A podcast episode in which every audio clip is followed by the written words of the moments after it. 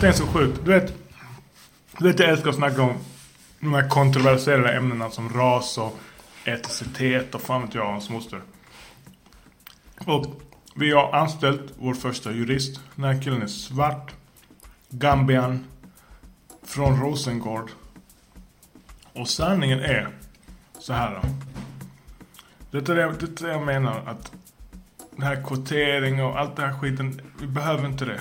Behöver, ingen, behöver inga åtgärder. Behöver inte ta mina skattepengar för att hjälpa den här gambianen från Rosengård få jobb.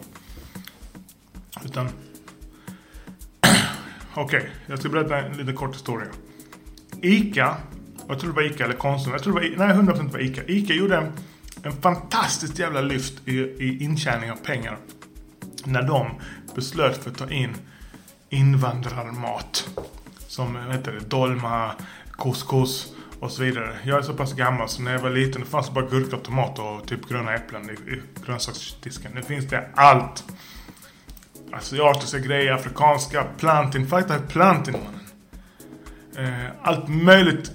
Vet själv, Ica det är fullt, det är allt. Arabiska saker, asiatiska, eh, Sydamerika, Sydamerika. Mycket där i Mellanöstern kom fett. Fefaroni och allt det där shitet. Tror du att de tjänade pengar på det eller förlorade pengar på det? De tjänade fett på det. Så när jag ser en, en, en svart snubbe från Rosengård som har läst som har en examen i, i, i, i juristprogrammet. Alltså en kandidatexamen. Alltså han är utbildad jurist. Det man förut kallade för jurkand. Och han är svart och från Rosengård. Då tänker jag, shit, han, han börjar inte med samma förutsättningar som Johan von, Vonsson. Som har liksom en lång linje bakom sig av högutbildade och eh, alltså, bor i ett område där det inte är någon som säljer knark och så vidare. Eller vill vara gangster och sånt. Det är mycket, mycket svårare. Du är speciell om du tar dig därifrån. Alltså trots alla de här hindren som, som är på vägen. Ingen igenkänning när du kommer till klassen. Du vet. Han berättade idag. Alltså du vet, det är helt annan. Alltså, du, jag tänkte, alltså, det är bara sådana snedbenor och... Oj, jag ska ut och köpa nya Louis Vuitton. Alltså det är bara sånt. Och jag har själv pluggat med överklassen. Och man får ju ta plats, men jag, jag hade inte självförtroendet att ta plats. Så man, jag, jag känner mig fett utanför. Så det, det kan vara jobbigt. För mig, jag ska inte ljuga och säga att det var jobbigt för mig, för jag sket i vilket. Men... Men... Så... Min poäng är det här med ICA. Att vi som fattar att bland de här med utländska, han har värsta utländska namnet. Sunjanja Punchamba. Amumu, Momo Abuba Chunjanji. Jag vet jag kan fortfarande inte uttala hans namn. vi kallar för Sune. Skittung kille i alla fall. Vi, vi... Ah, när han sa, jag är från Rosengård. Oh shit! För mig var det liksom som att säga ja, jag är bäst i klassen eller jag fucking... Alltså jag är... För mig var det en plus i hans CV. Jag är svart. Plus i hans... Jag är ledsen att säga det, jag är inte rasist. Men jag orkar inte förklara mig. Men det var för mig en plus i hans CV. Så vi verkligen fångade upp han. Han fick... Vi hade människor som ville, ville gå in på 10 000 kronor mindre än han. Också Jurkan. Han fick det han ville ha. De första tre månaderna. Sen kommer han få en löneökning igen. Och vi siktar på att han ska tjäna tresiffrigt. Då måste han såklart också följa med på resan och bygga det här teamet runt omkring sig och så vidare. Eh, så tänk så, tänk, tänk, tänk så vilket för, Alltså jag vet, jag vet själv. Jag kommer ut och rekrytera med afghaner. Alla de här som känner att de måste jobba hårdare. De kan ha svårt att komma in kanske på de här fina ställena. Vi tar dem vet För de, är, de kommer krossa alla de här snedbena människorna. De kommer krossa dem. De krossar dem, de är sjukt tacksamma. Och... Jag vet, vad fan, de vet inte finns inget att skämmas över. Alltså du vet.